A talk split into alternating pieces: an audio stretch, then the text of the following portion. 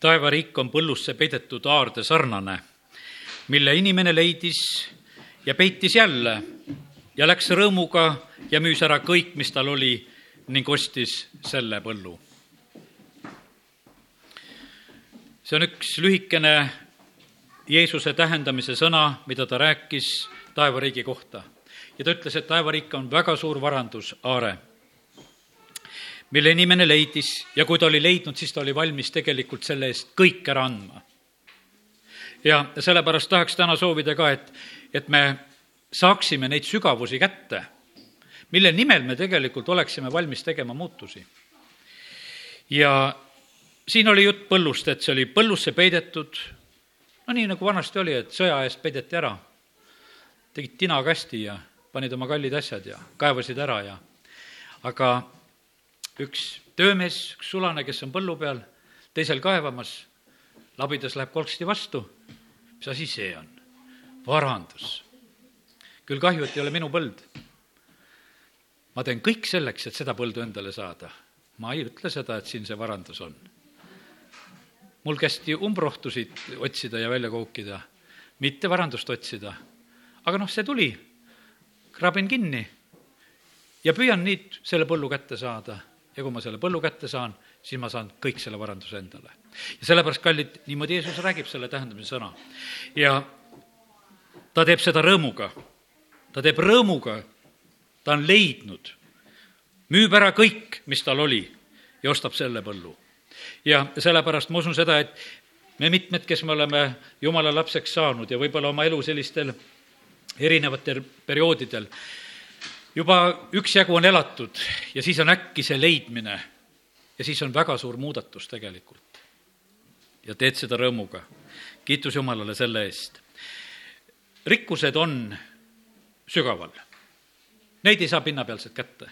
ja ma mõtlen ka sellele, et me koguduses on praegu see tore aeg, teeme piiblikooli, teeme alfakursust ja, ja tegelikult on see sügavamale kaevamine sest kui me õpime, siis on tegelikult meie soov saada rohkem kätte. me püüame lugeda süstemaatiliselt piiblit, püüame lugeda vaimulikke raamatuid, nii mõnedki, kellega olen siin saanud pisut rääkida, nad ütlevad, et see on juba olnud õnnistuseks, see kuu aega, piibli lugemine on kasvanud, õnnistused tegelikult tulevad selle kaudu, kui me kaevame ja otsime, kui me uurime Jumala sõna. teisiti me seda kätte ei saa ja, ja sellepärast täna tahaks ka soovida just seda, et, et see selline julgustus ja õhutus nagu selle koha pealt, et, et seda teha, teeme seda pühapäevadega, teeme seda kolmapäevade, neljapäevadega, katsume järjest nagu selles püsida, et, et meie oleme need, kes me otsime. kes me ikka ütleme seda, et meil on midagi puudu me ei pea noh, seda kartma tunnistada, et, et me pole täiuslikud ja et me vajame veel midagi. Jeesus ütleb, et õndsad on need, kes on vaimust vaesed see tähendab seda, et nad vajavad midagi juurde, et nendel on nälg ja jänu tegelikult ja nad ei, ei ole täis söönud, täis saanud. ja sellepärast maailm vahest pilkab seda, ütleb, et, et need on niisugused nõdrakesed seal koos ja, ja sellepärast nad seda Jeesust vajavad. aga ei, tegelikult nii nagu me täna siin juba tunnistasime ja rääkisime, et milline on tegelikult meie Jeesus, ta on kuningate kuningas, isandate isand. ja, ja sellepärast tema käest on meil väga palju saada. Paulus kirjutab Philippi kirja kolmandas peatükis ja loeme need salmid, Philippi kolm, kolmteist ja neliteist. vennad, ma ei arva endast, et ma olen kätte saanud selle, aga ühte ma ütlen, ma unustan kõik, mis on taga ja sirutan eesoleva poole. ma püüdlen sihtmärgi poole, Jumala üleva kutsumise võiduhinna poole Kristuses Jeesuses. ta ütleb seda, et ma ei ütle seda, et ma olen kätte saanud. no Paulus oli tegelikult väga palju kätte saanud nii mitmed suured ja võimsad ilmutused, mida Jumal talle oli andnud ja, ja tal oli palju, aga ta leiab sedasi, et Jumal on alati suurem. ja sellepärast täna, kui meie oleme siin Jumala kojas, siis on see nõnda, et no meie ei jõua seda mitte iialgi Jumalat ära uurida. kõik see, mis on Jumal loonud, teinud, see on nii suur, et meie ei suuda seda uurida, see, rääkimata selle lühikese elu jooksul, mis meie elus siin maa peal on, see seitsekümmend, kaheksakümmend aastat, nii nagu Mooses ütleb, või kellel see sada kakskümmend aastat, nii nagu Vanast Testamendist leiame veel selle vanusepiiri. on see või teine, me ei jõua seda ära uurida, milline on Jumal, kui suur on tema. ja aga meil on see võimalus, et ikkagi minna sügavamale ma mäletan seda niisugust armast ütlemist vahest, et piibli koha pealt ka nüüd piiblikooli ajal ütlen nagu teistmoodi välja seda, et et no kui sa loed ja kui sa aru ei saa, et siis söö nagu kala ja pane need kondid kõrvale ja, ja loe aga edasi, et see on noh, selleks julgustuseks, et ära, ära pooleli jäta.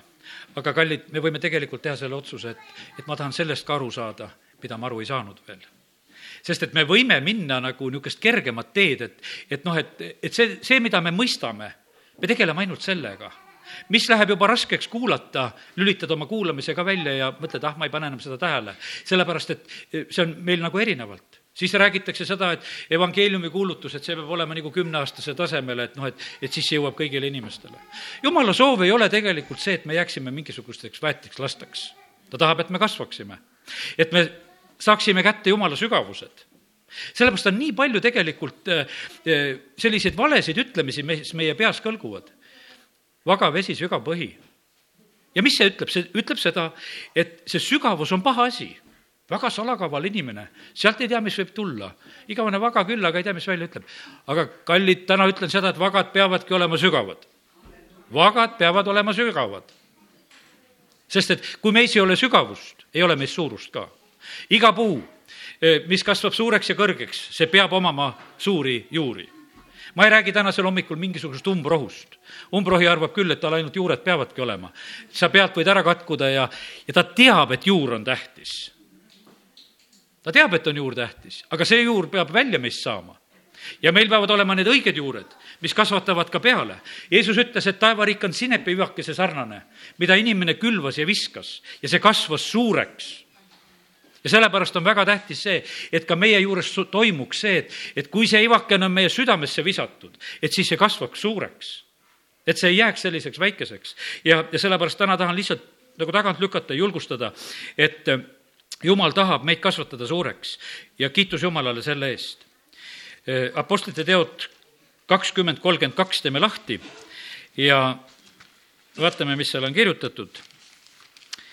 ja kui seal on midagi head kirjutatud, siis ütleme seda üheskoos.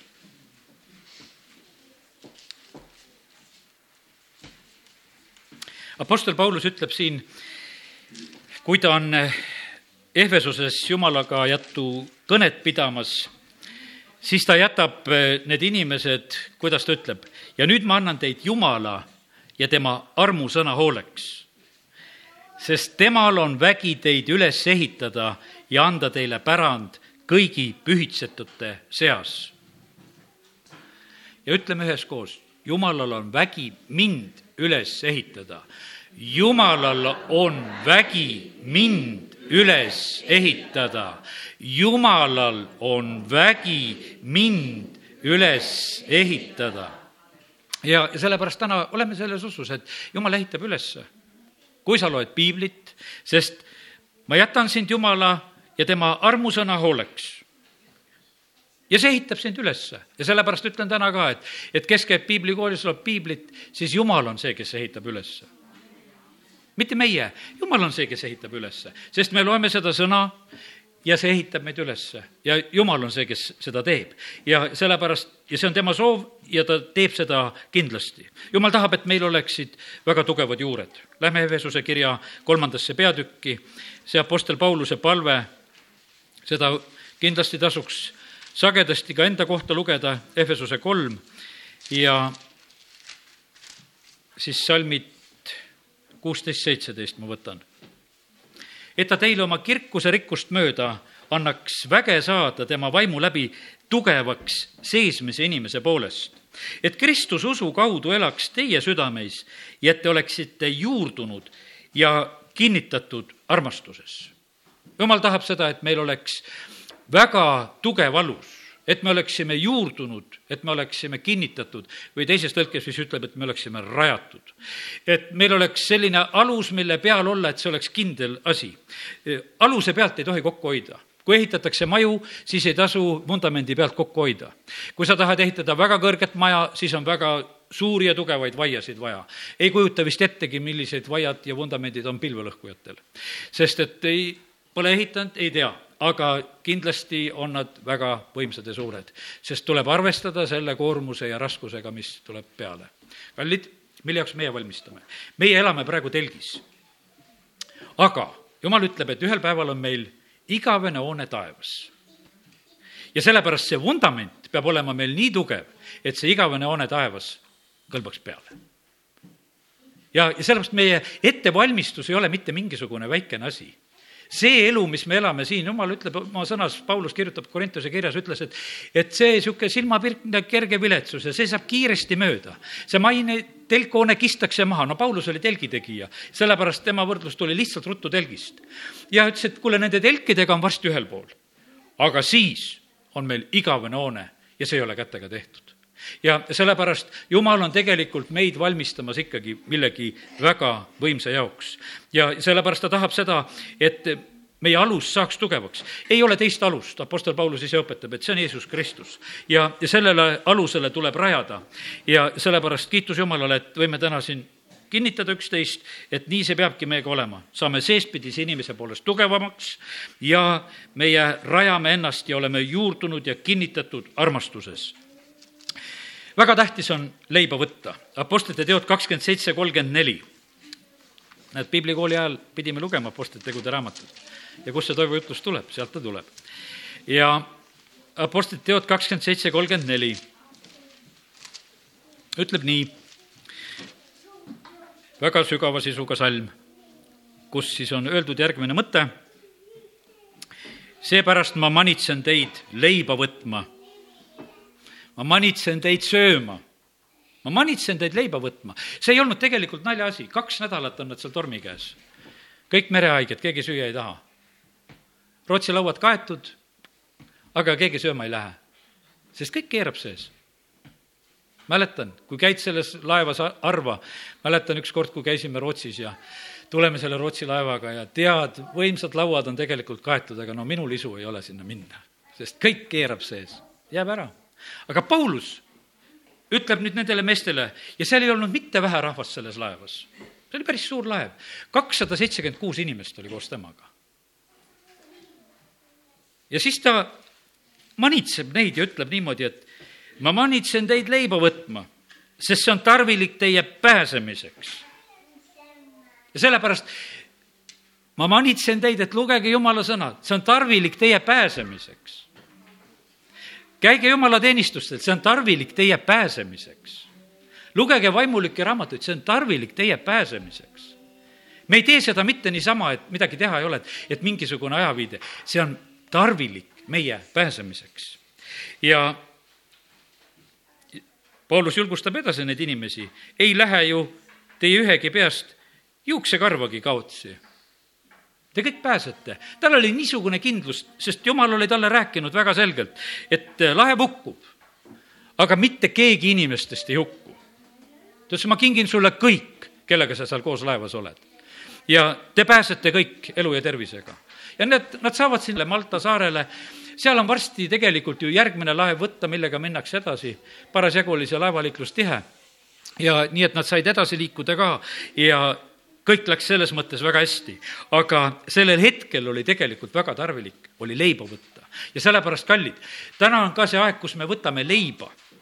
vaata, on aeg ettevalmistamiseks, on aeg, kus me peame õppima ära lugemise ja kirjutamise. Lähed kooli, praegusel hetkel nõutakse vist ennem kooli minekut, et sa pead oskama lugeda ja kirjutada juba või ma ei tea, vähemalt tähti tundma või, või võin eksida siin.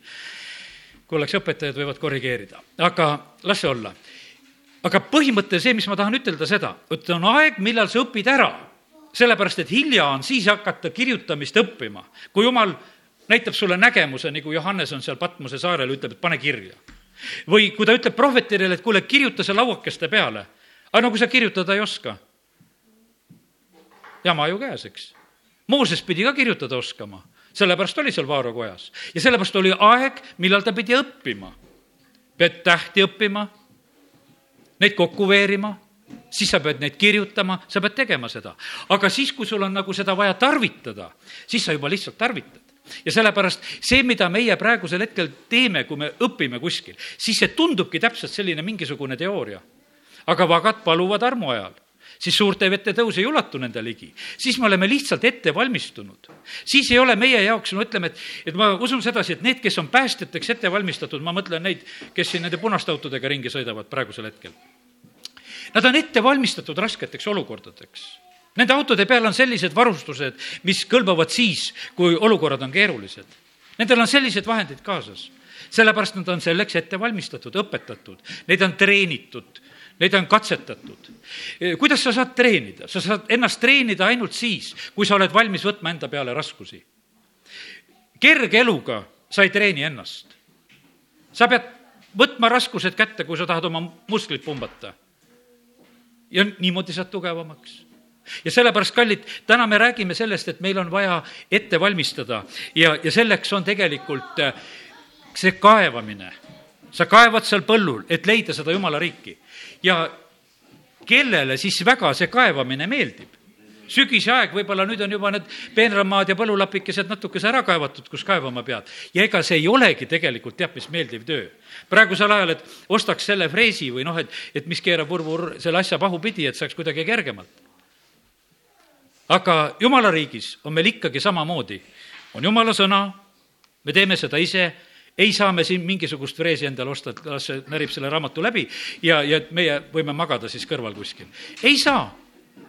teate, kuidas olid, kui vennad said päästetud siin ütleme sada ja rohkem aastat tagasi, kui jumala sõna saadi kätte, siis nad ei olnud neid hobusega künti põldu. siis nad panid selle hobuse, selle adra taha, nende adrakurgede peale või ma ei tea, kuidas neid nimetati erinevates paikades. niikaua, kui vagu läks, nad lugesid jumala sõna sest päevad on lühikesed, küünlajupp on kallis. aga päeval pidi kündma ja tööd tegema, aga jumala sõna oli ka vaja lugeda. ja niimoodi loeti. ja sealt tuleb õnnistus. ja sellepärast see, mida me oleme otsustanud teha, me oleme otsustanud, et me tahame kaevata, me tahame olla õnnistatud. me võtame leiba, see on meie pääsemiseks tarvilik ja, ja see, see viib meid tegelikult sügavamale. Jeesus ütleb Peetrusele ühel päeval seda, et sõua sügavale kohale ta on kogu öö vaeva näinud, see on Luke evangeeliumi lugu, me teame seda, ta saab suure kalasaagi, aga tal oli käsk käes, sõua sinna sügavale kohale ja heida võrk välja loomuse katseks. ja, ja sellepärast, kallid, meil oli see, mul on nii hea meel, et meil oli see pakkumine üleval, et tuleme piiblikooli, teeme selle sammu, sest see tegelikult on see meie valmisolek sõuda sellele sügavale kohale. ja heidame võrgu välja loomuse katseks ja ootame tulemust ei mõtle niisama, et ah, et see on mingisugune periood, vaid võrgud rebenesid. kuidas me saame seda, et me kogudus kasvab? nii nagu me oleme seda välja rääkinud, see sada nelikümmend inimest. me võrgud peavad rebenema me peame tööd tegema, me peame olema selleks valmis ja sellepärast täna räägime usus neid asju välja, et nii need asjad saavadki olema. meis endis peab olema seda sügavust, kus see välja külvatud sõna, jumala sõna on see seeme, kus see saab areneda ja kasvada. kui meis sügavust ei ole, kui me oleme niisugused pinnapealsed, Jeesus räägib sellest neljasugusest põllumaast, üks oli hea, kus kan-, kannab vilja kolmkümmend, kuuskümmend ja sajakordselt. sellepärast, et seal oli juurtele ruumi. aga seal, kus oli kivine või kus olid need umbrohutohakad, kus linnud tulid, nokkisid ära siis see lihtsalt kaotati. ja sellepärast Jumal tahab tegelikult, et see, mida meie siin Jumalakojas teeme, et see ei oleks ainult meie mõistusega tegu, et ma räägin teie mõistustele, vaid et seda gra-, graveeritaks teie südamelaudadele õpetuse sõnades räägitakse, et meie südamelaudadele saaks see tarkus pandud. Apostel Paulus Korintuse kirjas räägib sellest samast, et see on jumala vaimuga teie südamelaud-, laudadele. mõni ütleb, et ma unustan ära, mis jumalateenistusel äh, räägiti. aga kui see on su südamelaudadele graveeritud, seda ei saa ära unustada. seda ei saa saatan sul ära varastada. su peast ta võib küll neid asju ära varastada ja mingisuguseid teisi asju asemele rääkida. aga mis on su jumala vaimu abil su südamelauakestele graveeritud, seda ei varasta mitte keegi ära sest see on seal. ja, ja siis on niimoodi ja siis saab püha vaim tulla appi ta tuletab meelde seda, mida Jeesus on rääkinud. ta saab sulle kuulutada ja rääkida, mis on tulevased asjad. ilma jumala vaimuta me niikuinii nendes, nendes asjades hakkama ei saa. ja, ja sellepärast täna lihtsalt julgustan, et, et me oleme õigel teel sellega, et me oleme valmis õppima, uurima. ja sellepärast julgustan, leia päevas see pool tundi, kus see neli peatükki tegelikult läbi saab loetud. ja saad ilmutusi ka. noh, ma mõtlen praegu ikka siin täna väga palju seda piiblikooli rahvast, kes on ennast sinna kirja pannud. loeme seda nelja peatükki ja see on tegelikult suur õnnistus. ja, ja sellepärast ära tee selles kompromisse ja järeleandmisi, kaeva see läbi ja küsi Jumal, et ma tahan neid ilmutusi saada, et ma ei taha mitte lihtsalt lugeda, et, et seda kiiresti kuidagi ära vuristada ja kõrvale panna, vaid et ütlen, ma tahan sellest aru saada, ma tahan sealt ilmutusi saada, ma tahan seda vastu võtta. ma tahan, et, et nii, nagu sa oled ütelnud, et kui sa läkitad oma sõna välja, et see saadab midagi korda. ja saada korda seda minu juures, mida on vaja ja sellepärast kiitus Jumalale, et, et see nii on. et Jumal on seda valmis väga tegema. eile tuletati meile meelde seda ka, et tormid ja tuuled tulevad niikuinii Mattiuse evangeeliumi see mäejutluse lõpp ütleb, et tulevad tormid, tuuled puhuvad vastu igat koda. aga need, mis on kindla aluse peal, nendega ei juhtu mitte kui midagi, nad lihtsalt püsivad ja on korras ja, ja sellepärast eh, nii, nagu oli, kui oli Pärnusse üleujutus, kui meri tõusis ja, ja linnamajadki, osad jäid sinna ju vette, siis need, mis olid ehitatud juba vanal ajal ja arvestusega, et meri võib vahest tõusta, nende vundamendid ja asjad, kõik sellised, et vesi võib vahepeal sealt läbi käia, läheb ära ja nendel majadel ei ole mitte midagi. ja need eh, Florida villast ja papist majad, need muudkui ainult hunnikusse kokku ei lõhu ära, sellepärast et lihtsalt vett täis imenud ja mitte kuskile need enam ei kõlba. ja, ja sellepärast aga on vaja ehitada õigel moel, on vaja ehitada õigele alusele ja, ja siis me saame tegelikult tugevuse jumal tahab, et, et me kasvaksime tegelikult, nii nagu me täna räägime sellest asjast. kui sul on väikene auto, nüüd on küll Võru linnas juba palju parem, augud on üsna ära parandatud ja päris hea on ja sileveeredega jumala kotta pühapäeva hommikul kindlasti. aga vaata, tahtsin rääkida nagu seda näidet, et kui sul on väikene auto, siis sa korjad iga augu ülesse. kui sul on suurem auto, sul on suuremad rattad, suurem teljevahe, siis ka viletsa tee peal on tegelikult parem sõita. sa igat väikest auku lihtsalt enam ei tunneta, sest et mõni auk on väiksem kui sinu ratas, lähe-, lihtsalt läheb üle. ja, ja sellepärast nii on, jumal tahab, et me tegelikult oleksime suured. muidu me koperdame iga detaili otsas. kui me saame suureks, me kasvame saame tugevaks seestpidise inimese poolest, siis iga tühi asi meid ei häiri. muidu meid nii kerge ärritada, nii kerge on ärritada. vaata, väikene koerakene, kuidas paneb kõvasti klähvima. suur koer haugub hoopis teistmoodi ma elevantidest ei hakka rääkima, ma ei tea, kuidas neid ärritama peab. ja, ja sellepärast, aga vahe on vahe ja sellepärast meie ainukene võimalus on saada suureks, saada tugevaks see tegelikult muudab tegelikult meie, meie asja ära. ma usun, et tuleb meelde teil Kevade filmist, et Tõnisson käitus ka teistmoodi. sest et tema ümber niisugune paks poiss, no ei saadud hakkama, tead, eks. tee, mis sa teed ja sellepärast tasub omada suurust. see on väga hea ja tasub omada sügavust, meil peavad olema juured ja tasub, et meil oleks kõrgust ja, ja siis on tegelikult hoopis teine olukord meil selles elus. Jeesus, suurimatest suurim sellepärast tema võib Kolgata ristil paluda seda, ütelda, et isa, anna neile andeks, sest nad ei tea, mis nad teevad. ta ei takerdu mingitesse detailidesse. ta ei hakka arutama seda, et, et mis nüüd siis toimub ta, ta on kohtu all, kus tal oleks võimalik ennast kaitsta ja tegelikult on ta süütu, aga ta ei vaja seda, sest ta on suurem kõigest sellest jamast, mis toimus sellel hetkel. ta ei tegele sellega. ta ütleb, isa, sinu kätte ma annan oma vaimu ma ei tegele selle jandiga, mis on praegusel hetkel. mis mul sellest kasu oleks, kui ma saaksin Pilatuse ees või selles, selle juutide suurkohtu ees mingisuguse õiguse kätte, no kuhu ma selle pistan? kas see kiri praegusel hetkel kehtiks kuskil? mitte kuskil. ja sellepärast tema võttis selle kõige suurema võidu, ma ei vaatagi selle peale. ja sellepärast meie vajame tegelikult samamoodi seda, seda suurust. Stefanos esimene märter eh, kristlaste hulgast, tema samamoodi käitub samamoodi suurelt, aga ta käitub suurelt selle tõttu, et tema näeb Jeesust isa paremal käel, ta näeb taevast avatud, ta näeb neid, kes seda kividega viskavad, ta näeb kõike seda ka, aga ta näeb seda Jeesust ka, keda ta teenib. ja sellepärast ta pale on nagu inglipale, ta ei karda mitte midagi. Ja sellepärast, kallid, meie probleem on sageli ainult see, et meil on liiga väikene ilmutus Jeesusest nii nagu ma täna rääkisin seda, et mõnel on see beebiilmutus, et, et ta on jõululaps ja käivad kogu aeg ainult katsikul kord aastas ja, ja ei ole teist. Ja sellepärast, kallid, täna meie räägime seda, et meil on kuningate kuningas, isandate isand, kes on isa paremal käel, kes tegelikult valitseb, kelle silmad on nagu tuleleek, kelle jalad on nagu va-, vasemaak, kelle suust käib välja kaheterane mõõk, kelle juuksed on nagu valge vill. Mis seal veel kirjutatud on, ilmutuse raamatust lugege milline on meie Jeesus tegelikult.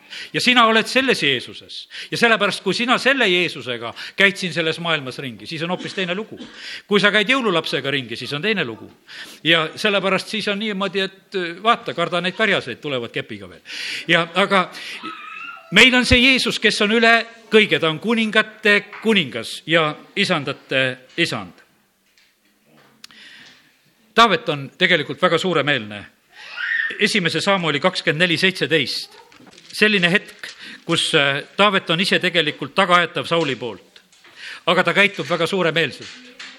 kuningas Saul on tegelikult väga häbiväärses olukorras tema ees seal koopas aga Taavet rahustab kõiki oma mehi, ütleb, et meie võitut ei puutu ja las see kuningas teeb, mis ta tahab, kannatame selle haisu ka siin ära ja las ta läheb ja meie ei puutu.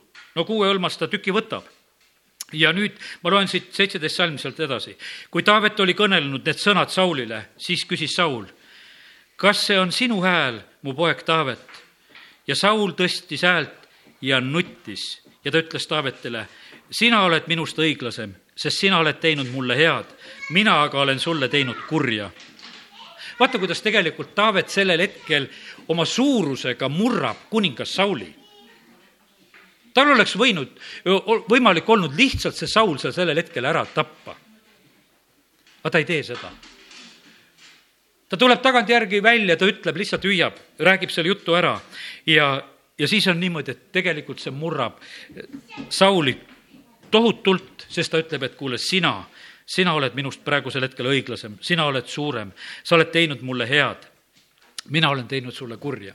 ja sellepärast, kallid, niimoodi me võidame. ja sellepärast täna ma räägin seda, et meil tasub olla suur. me ei pea takerduma nendesse väikestesse detailidesse, kus meid kiusatakse väikestel inimestel on palju probleeme, ma mõtlen sellisest noh, oma olemuse poolest väikesest, siis on vaja kõikide hädade üle õiendada. aga kui sa oled suur, siis sa ei pea õiendama. sest siis sa lihtsalt vaatad nendest üle. sa lihtsalt saad üle vaadata. aga kui sul on väga palju probleeme elus, siis tegelikult tasuks vaadata seda, et, et äkki sa peaksid vaimulikult kasvama ja sa saad paljudest asjadest lihtsalt eh, vabaks. kiitus Jumalale. et Jumal on hea ja ta täna oma sõna järgi julgustab meid, et me kasvaksime. vagad paluvad armu ajal. meie õpime õigel ajal Jumala sõna, õpime lugema, õpime kirjutama ja siis, kui on olukorrad käes, siis on tegelikult Jumala kaitse meiega. eriolukordades me saame tegelikult kogeda sedasi, et kas Jumala kaitse on või ei ole. me saame kogeda siis, kas meil on rahu südames või ei ole rahu südames. eriolukorrad toovad selle välja. Elisa on seal Tootanis, Süüria sõjavägi on teda ümber piiranud ja tema südames on rahu, sellepärast et tema näeb, et Jumala sõjaväed on tema ümber. tulised hobused ja vankrid ta peab paluma, et jumal, tee poisi silmad ka lahti. tema siin väga vabistab praegusel hetkel. näita. ma ei tea, kas su elus on seda kogemust, kus sa koged seda, et, et sul on see inglite ring ümber, sina istud seal ise keskel. ega seda iga päev ei saa kogeda. üks äh, pastor kunagi rääkis äh, ühe kooliõpilase loo, ta oli vanasti kooliõpetaja esimese vabariigi ajal ja ja ütles, et üks äh, tüdruk rääkis autoavariist, kuidas äh, nende auto läks kraavi ja tema nägi äh, siis, et kuidas inglid olid ringis ümber selle auto, kui nad seal kraavis olid. see oli mingi algklasside laps ja õpetaja koolis küsib ja et noh, umbes, et kas te lapsed usute, et inglid on olemas ja see tüdruk uskus, sellepärast ta oli näinud. ja ta sai endale nimeks, hüüdnimeks ingel, sellepärast et teised lapsed ei uskunud ja naersid ja noh, tekkis sellist, selline asi. aga tema nägi seda, et inglid olid leerina ümber, et kui nende auto läks kraavi, et siis oli jumala inglite ring oli ümber nende auto ja kellegagi midagi halba ei juhtunud, jumal hoidis. ja sellepärast, kallid, me sageli ei saa seda näha, me võime seda lihtsalt kogeda. olen ise sõitnud autos niimoodi, et kus vaatad üle õla, et, et kuule, kes siin veel on? kes siin veel on? et oleme kolmekesi aga siin on neljas kindlasti ka. et see üks tagaistme koht ei ole tühi, vaid seal istub keegi. ja selline, ja see on niimoodi, et ma siis vahepeal nagu vaatad üle õla, ei ole kedagi, kui hakkad rääkima ja siis teisel inimesel seesama tunne, aga mul on seesama tunne, et me ei ole siin kolmekesi, vaid siin on keegi veel. ja see ei ole mitte hirmutav ega paha, vaid me olime väga väsinud, ma mäletan, Saksamaalt tulin. see pikad ajad juba sõitnud ja siis jumal lihtsalt paneb, paneb juba inglid ka kõrvale, et istuge autos, sõidate. sõitsin kuni Siguldani ära, siis enam ei jaksanud. siis läksin magama. lubasin inglitel ka minna, sest et enam ei ole tee peal nii see on. ja ka kiitus Jumalale, et Jumal on tegelikult väga reaalselt kogetav ja, ja leitav ja nii olen kogenud veel, kus äh, oled vahest, mäletan kord, kus olid inimesed, kes mu käest väga nõudsid, sa oled kristlane. sa pead nii ja sa pead nii, sa pead alastama ja sa pead armastama ja ma ei olnud nõus nende asjadega, millele nad mind sundida tahtsid. ja siis ühel hetkel ma taipasin, neid oli palju ja mina olin üksinda. siis ma taipasin, kogesin selliselt, et, et minu ümber on üks selline ring. Nad käivad ümber, see oli nagu vaimulik pilt minu jaoks, kõik istusid tegelikult ja proovivad sellest läbi murda, aga ei saa. ja jäi nii, nagu mina tahtsin. lahendus tuli selleni, sest et ma tabasin ära sellel hetkel, et, et tegelikult olukord on minu kontrolli all ja ma ei pea siin taganema. aga oleks ma ainult sõna paotanud, et ma jah, lepin teiega, mis te tahate, siis oleks kõik teistmoodi olnud. aga see kogemus mind päästis ja ma leidsin sedasi, et jumal, sa oled oma taevased väed saatnud ja ma püsin ja ma ei anna alla nii et kiitus Jumalale. meil tasub tasub teda, seda Jumalat tunda, tasub temast tugevaks saada. ja me ei pea mitte jääma nende algtõdede juurde, vaid Jumal tahab, et meie sügavus eh, suureneks. me ei pea mitte olema need, kes me ainult oleme mingisugusel piimatoidul, vaid Jumal tahab, et me sööksime tahket rooga. Jeesus ütleb oma jüngritele seda, et, et mul oleks teile palju öelda, aga teie ei suuda seda taluda vaata, kui kurb on tegelikult, on selline asi, kui, kui meie vaimulik elu on selline, et, et me ei ole nagu rohkemaks vastuvõtuvõimelised et jumalal oleks rohkem anda, ilmutada, rääkida, aga te ei suuda seda taluda, te ei suuda seda vastu võtta. ja, ja sellepärast aidaku meid Jumal, et, et me kasvaksime, et Jumalal oleks meile rohkem anda. Jumal on suur ja kõik loonud niimoodi, et me võime uurida suuruse poole, ma mõtlen, et teleskoobid, need kaugele vaatamiseks, eks, lõputu ei tule lõppu, võid vaadata, uurivad ja vaatavad ja midagi nad seal näevad ja leiavad ja ja, ja kui ütelda, näed, et mina ei tea, on siin keegi inimene, kes teleskoobist on vaadanud, mina ei ole, ainult olen kuulnud, et vaatavad.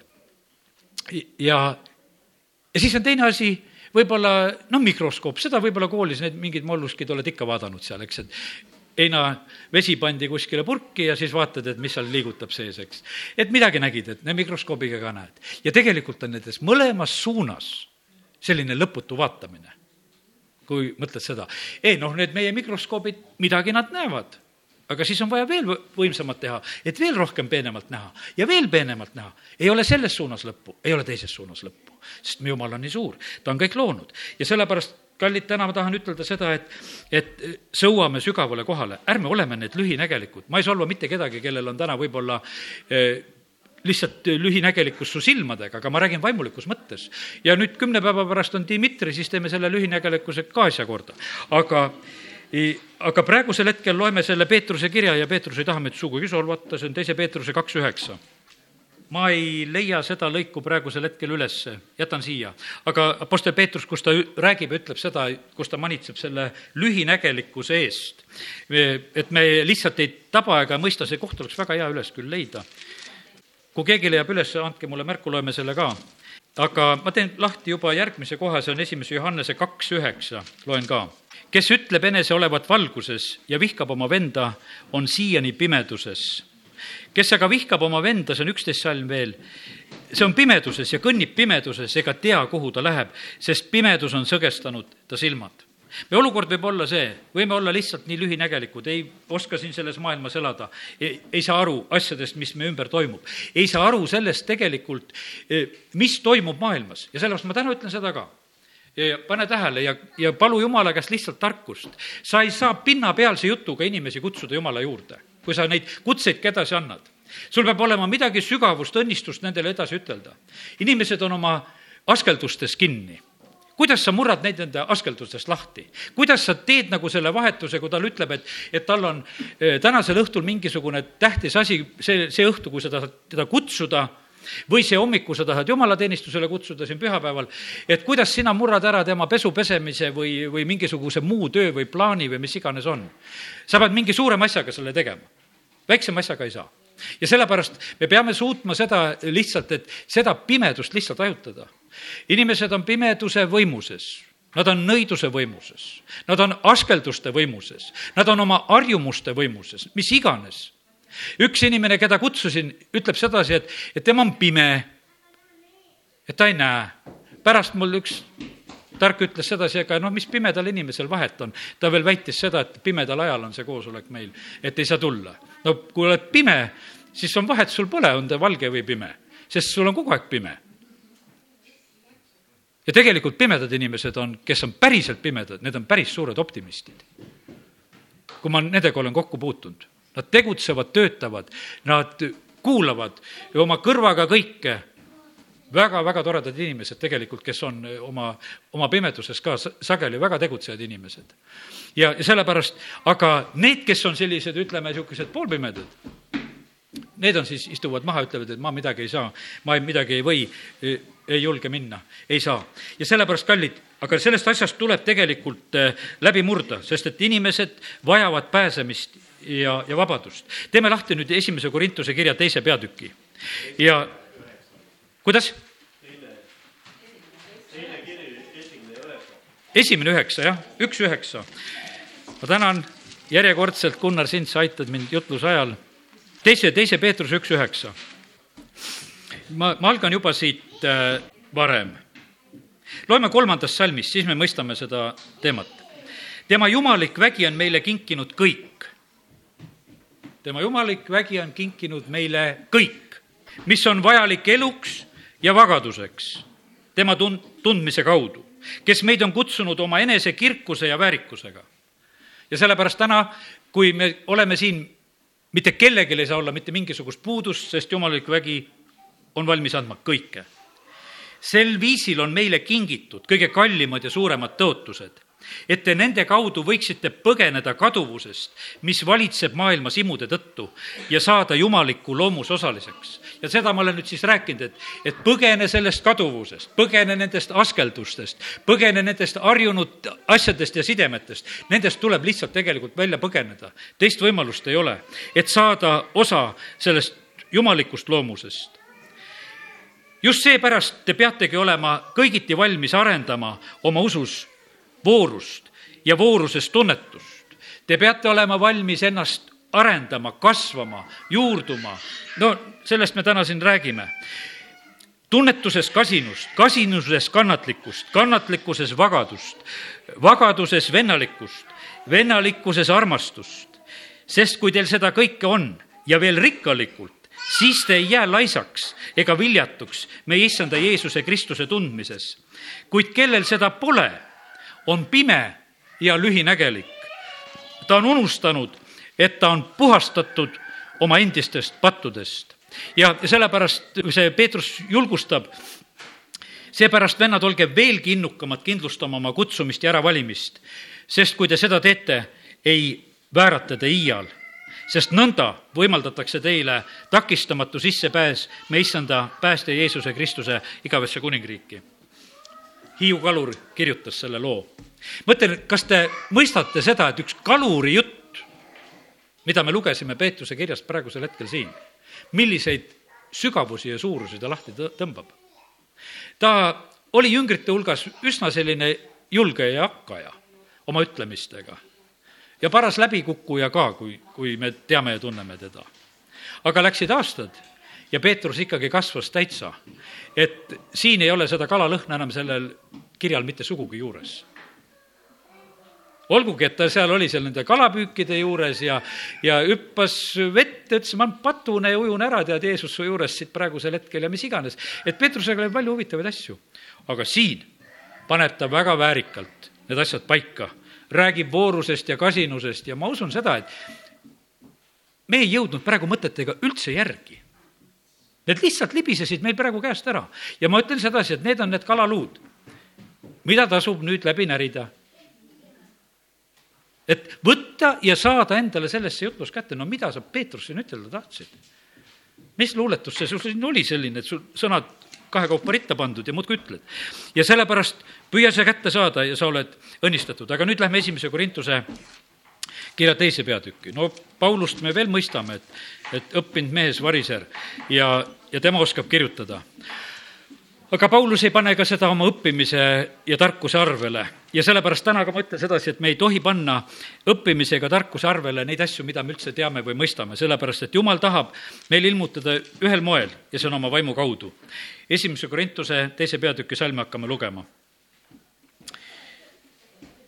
kolmandast ütlen ja ma olin teie juures nõtruses ja kartuses ja suures värinas ning mu kõne ja mu kuulutus ei püüdnud veenda tarkusega, vaid vaimu ja väe osutamisega. et teie usk ei oleks inimlikus tarkuses, vaid jumala väes. tarkusest me kõneleme täiuslikes eas, ent mitte praeguse ajastu ega selle kaduvate valitsejate tarkusest, vaid me kõneleme Jumala saladusse peidetud tarkusest, mille Jumal on ette määranud meie kirkuseks enne ajastuid ükski praeguse ajastu valitseja eest ei ole seda ära tundnud, sest kui nad seda oleksid ära tundnud, ei oleks nad kirkuse issandat risti löönud. kuid nõnda, nagu on kirjutatud, mida silm ei ole näinud ega kõrv ei ole kuulnud ja mis inimes, eh, inimese südamesse ei ole tõusnud, selle on Jumal valmistanud neile, kes teda armastavad aga meile on Jumal selle ilmutanud vaimu kaudu, kuna vaim uurib läbi kõik Jumala sügavused. sest kes teab inimese eh, mõtteid peale inimese vaimu, kes temas on samuti ei tea ükski Jumala mõtteid peale Jumala vaimu. aga meie ei ole saanud maailma vaimu, vaid vaimu, kes on Jumalast, et me võiksime teada, mida Jumal meile armust kingib. seda me siis räägime mitte inimtarkuse õpetatud sõnadega, vaid vaimu õpetatud sõnadega, võrreldes vaimseid asju vaimsetega aga maine inimene ei võta vastu midagi, mis on jumala vaimust, sest see on temale narjus ja ta ei suuda seda tunnetada, sest seda tuleb mõista vaimselt. kuid vaimne inimene mõistab kõike, aga ent teda ennast ei suuda mõista keegi. sest kes on tundnud issanda meelt, kes võib teda juhatada, aga meil on Kristuse meel.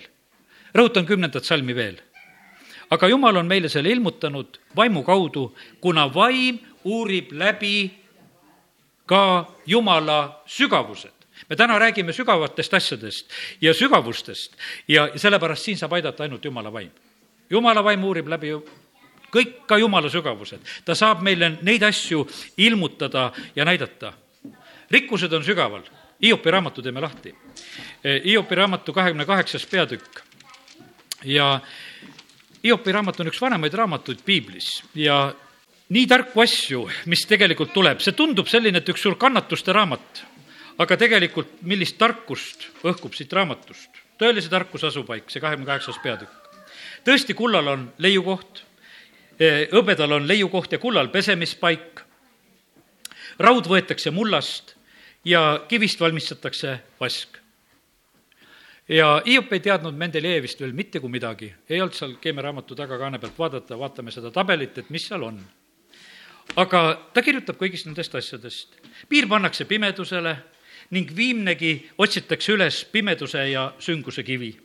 kaevandusi murtakse, eluasemest eemal paigus, mille on unustanud jalad, nad kõlguvad kõikudes inimestest kaugel. maast kasvab leib, aga maa sügavused pööratakse tulega pahupidi.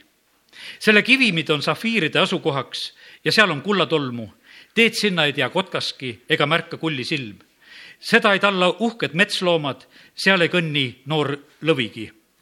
rännikivide külge pistetakse käsi, mäed pööratakse juurteni ümber. kaljudesse lõhutakse käike ja silm saab näha kõiksugu aardeid.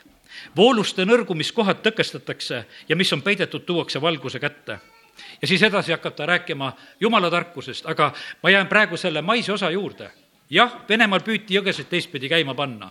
Nende vooluse kohtadega on üritatud, mõeldud, et võiks seda teha. mägesid pööratakse ringi. me näeme, siin on tegelikult, kui see üheksas salm ütleb, räni külge, kivi külge pistetakse käsi, mäed pööratakse juurteni ümber.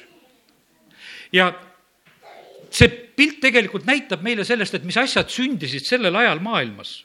rikkused on kogu aeg olnud sügaval. Need, kes naftad puurivad. Need puurivad sügavale ja saavad selle kätte. kui nad pinnapealselt puuriksid, nad naftat kätte ei saaks.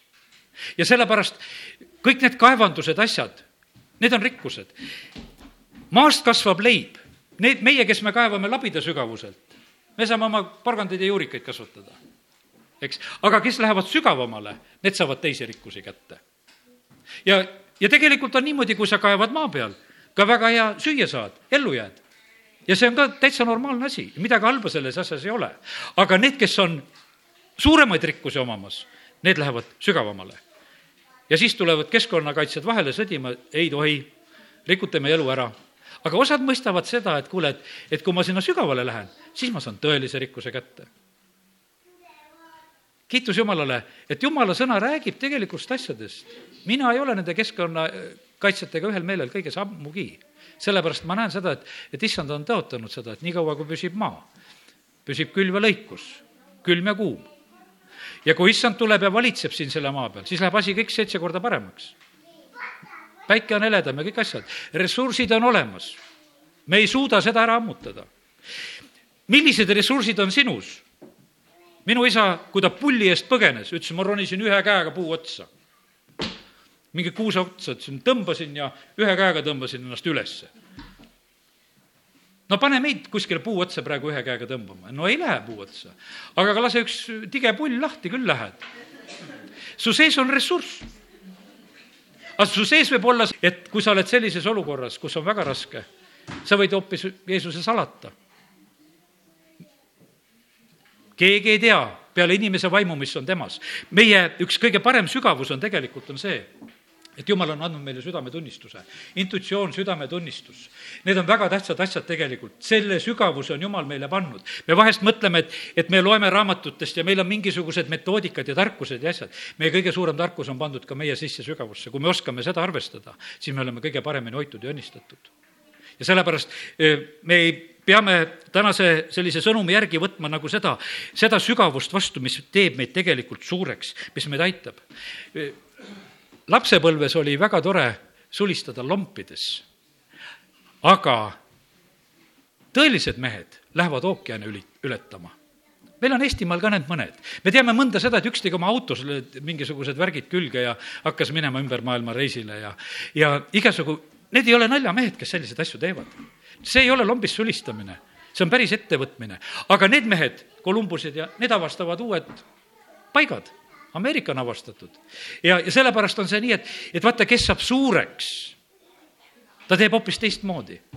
ja, ja palju turvalisem on olla võib-olla sellises oma harjunud keskkonnas ja, ja mitte nagu pürgida ei tea kus kohta. aga kallid sügavused on õnnistuseks. Ezekieli neljakümne seitsmendas peatükis, ma ei hakka enam seda lahti tegema, aeg on küllalt kaugel läinud. Te teate seda lugu, templist voolab välja oja alguses on pahkluuge, luudeni. kui sa tead, kus need pahkluud on, siis sa saad aru no siis on põlveni, sellest saame kergemini aru, eks. siis äh, nõueteni, tead, siis lõpuks saad ujuda. aga kuhu tuleb see elustav jõgi, seal on elu. vaata, sügavuses on elu ja, ja sellepärast, kallid, me tegelikult vajame seda, et see elu meisse tuleks ja, ja sellepärast meil on eesõigus minna kõige pühamasse paika. me oma vaimulikus elus elame vahest niimoodi, et, et me käime nagu selles, nagu selles eesõues nagu templi mõttes, võtame selle kolm astet, oli eesõu, oli pühapaik ja oli kõige püham paik. aga selles kõige pühamas paigas on need tõelised ilmutused. ja sellepärast meil on nüüd Jeesuse vere varal see sissepääs kõige pühamasse paika ja sellepärast me ei pea mitte milleski tagasi hoidma, jumal, me tahame ilmutusi saada. me tahame näha, teada seda, sellepärast et see aeg, milles me elame, siin on nii palju pettust ja valet on siin selles maailmas ümberringi ja sellepärast me peame seda otse Jumala käest küsima Amen.